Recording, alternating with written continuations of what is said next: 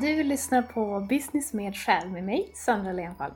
En podd för dig som vill omsätta din visdom, erfarenhet och unika gåvor till din egen framgångsrika business. Så att du kan fortsätta exponera dig själv, ditt liv och andra runt dig med kärlek, kraft och autenticitet. Med själ helt enkelt.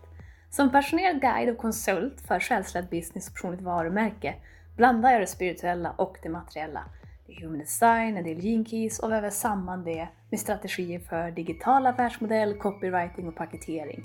Egentligen allt som bidrar till en fantastisk mix för att låta det unika med dig och precis det som leder vägen till att leva din dröm och mer av det du älskar. Med jämna mellanrum bjuder jag även in andra själsledda entreprenörer, kreatörer och inspiratörer som delar sin resa, sin magi och kunskap så att du kan plocka alla pärlor och skapa din egen väg. Jag är glad att ha dig här.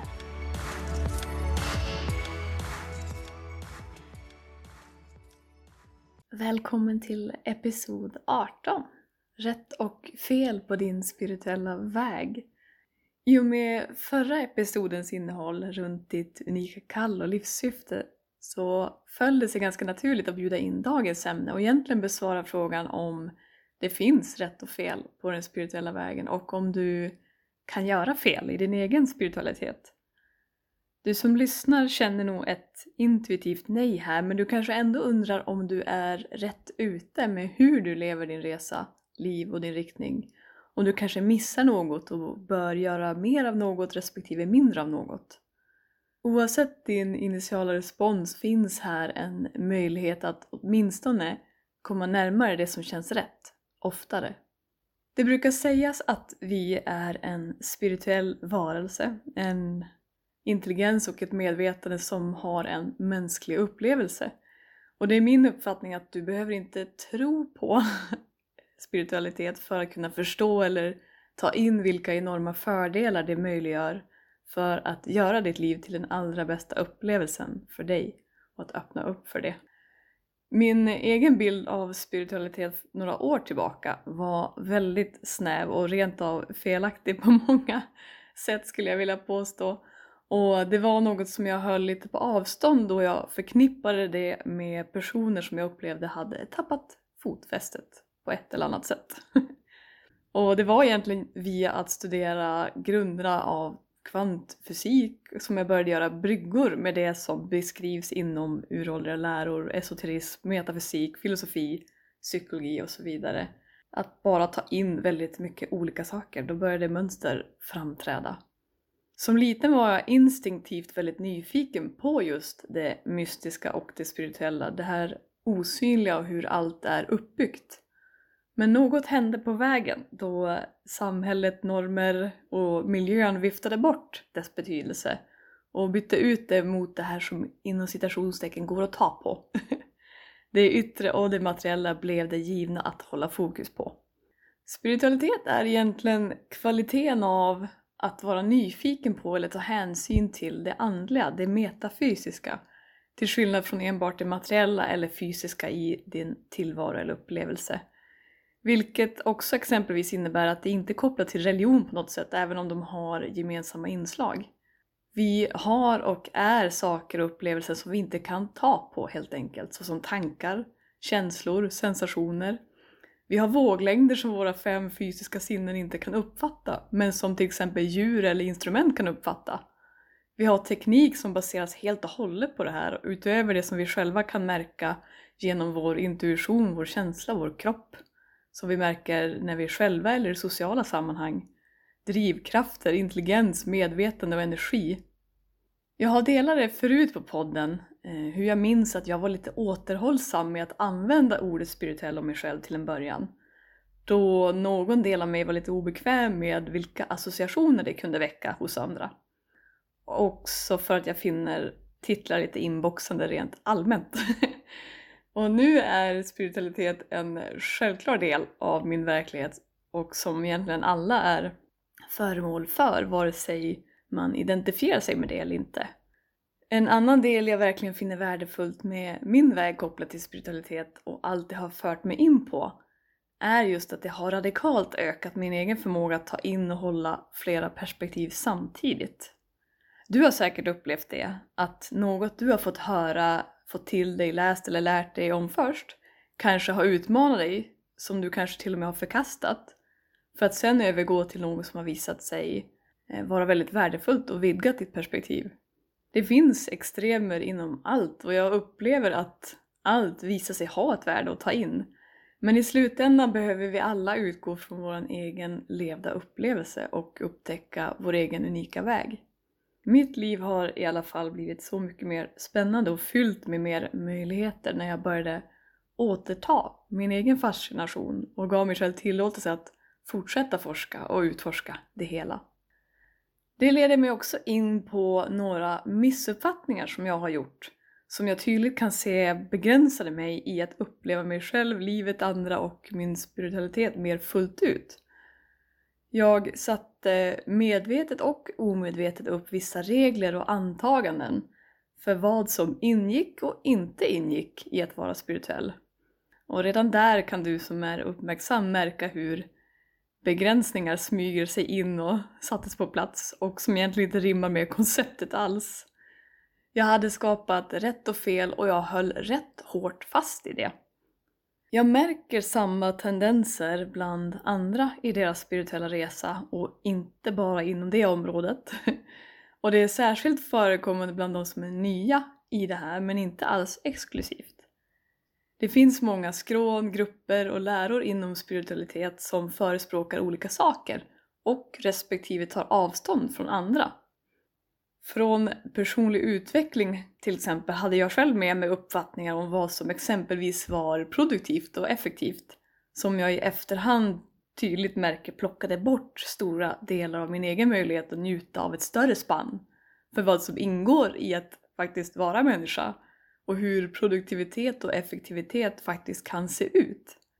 Ett annat personligt exempel eh, kunde vara att, att se på TV och att sträcktitta på serier var lika med hjärndött för mig tidigare.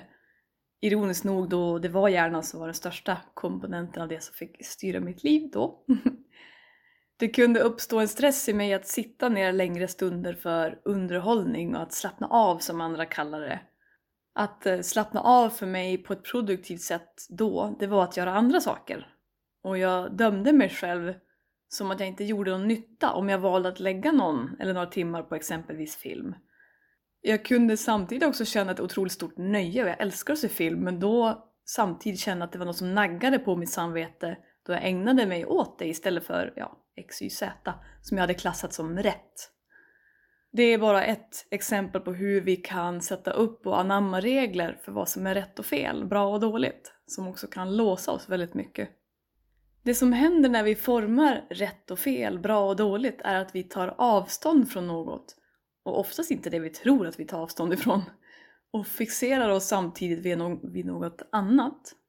Så fort vi separerar oss från något, vare sig det är en aktivitet, personlighetsdrag, känslor, sen kategoriserar det som något dåligt eller icke önskvärt, skapar vi också samtidigt ett scenario där vi fixerar oss vid ett behov av motsatsen.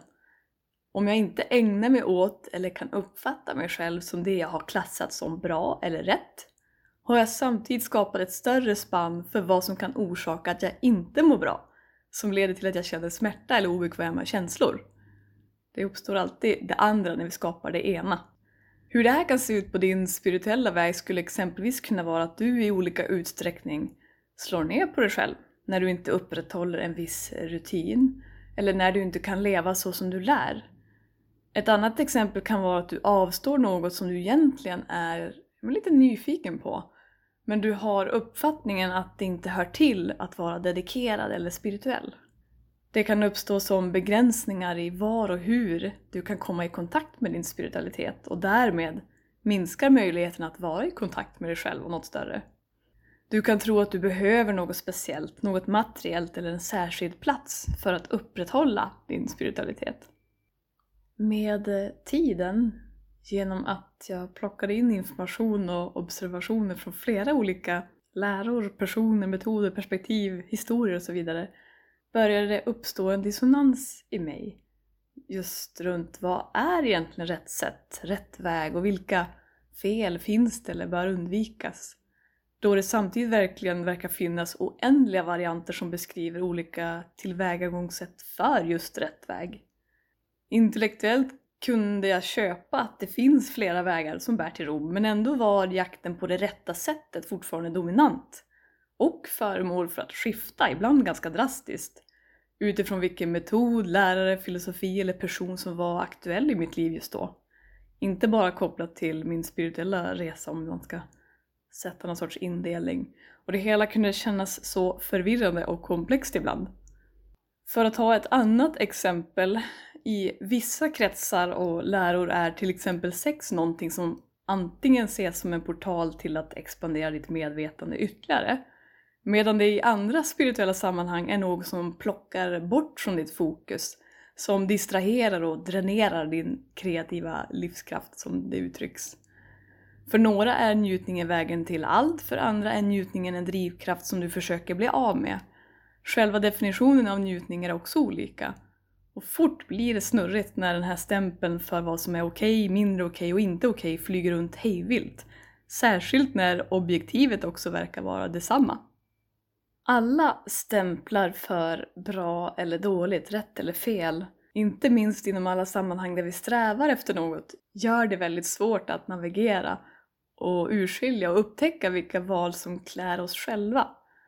Titta bara på tränings eh, eller kostråden som florerar.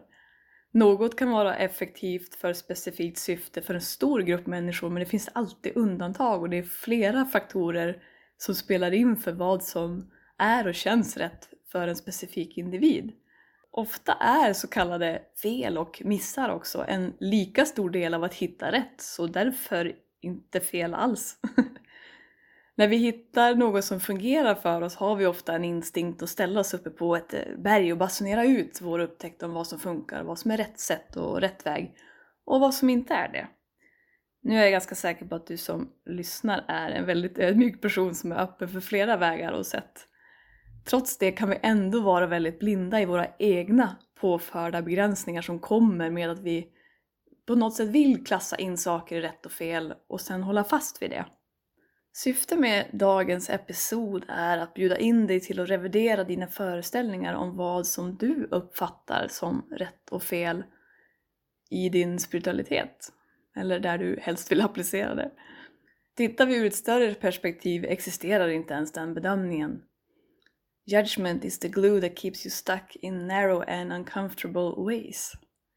Min eh, uppfattning av syfte med att omfamna din spiritualitet är att göra den mänskliga upplevelsen så rik som möjligt.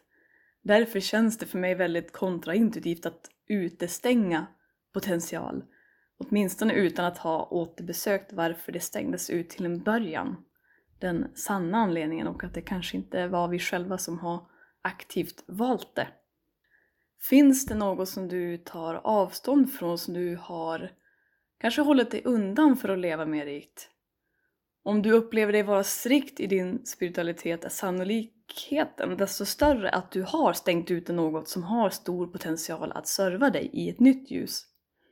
Så fort du fångar tankar i stil med “det här är inte spirituellt” eller dömer något är det också en stark signal att en lite grumlig indelning och ofördelaktig separation har gjorts.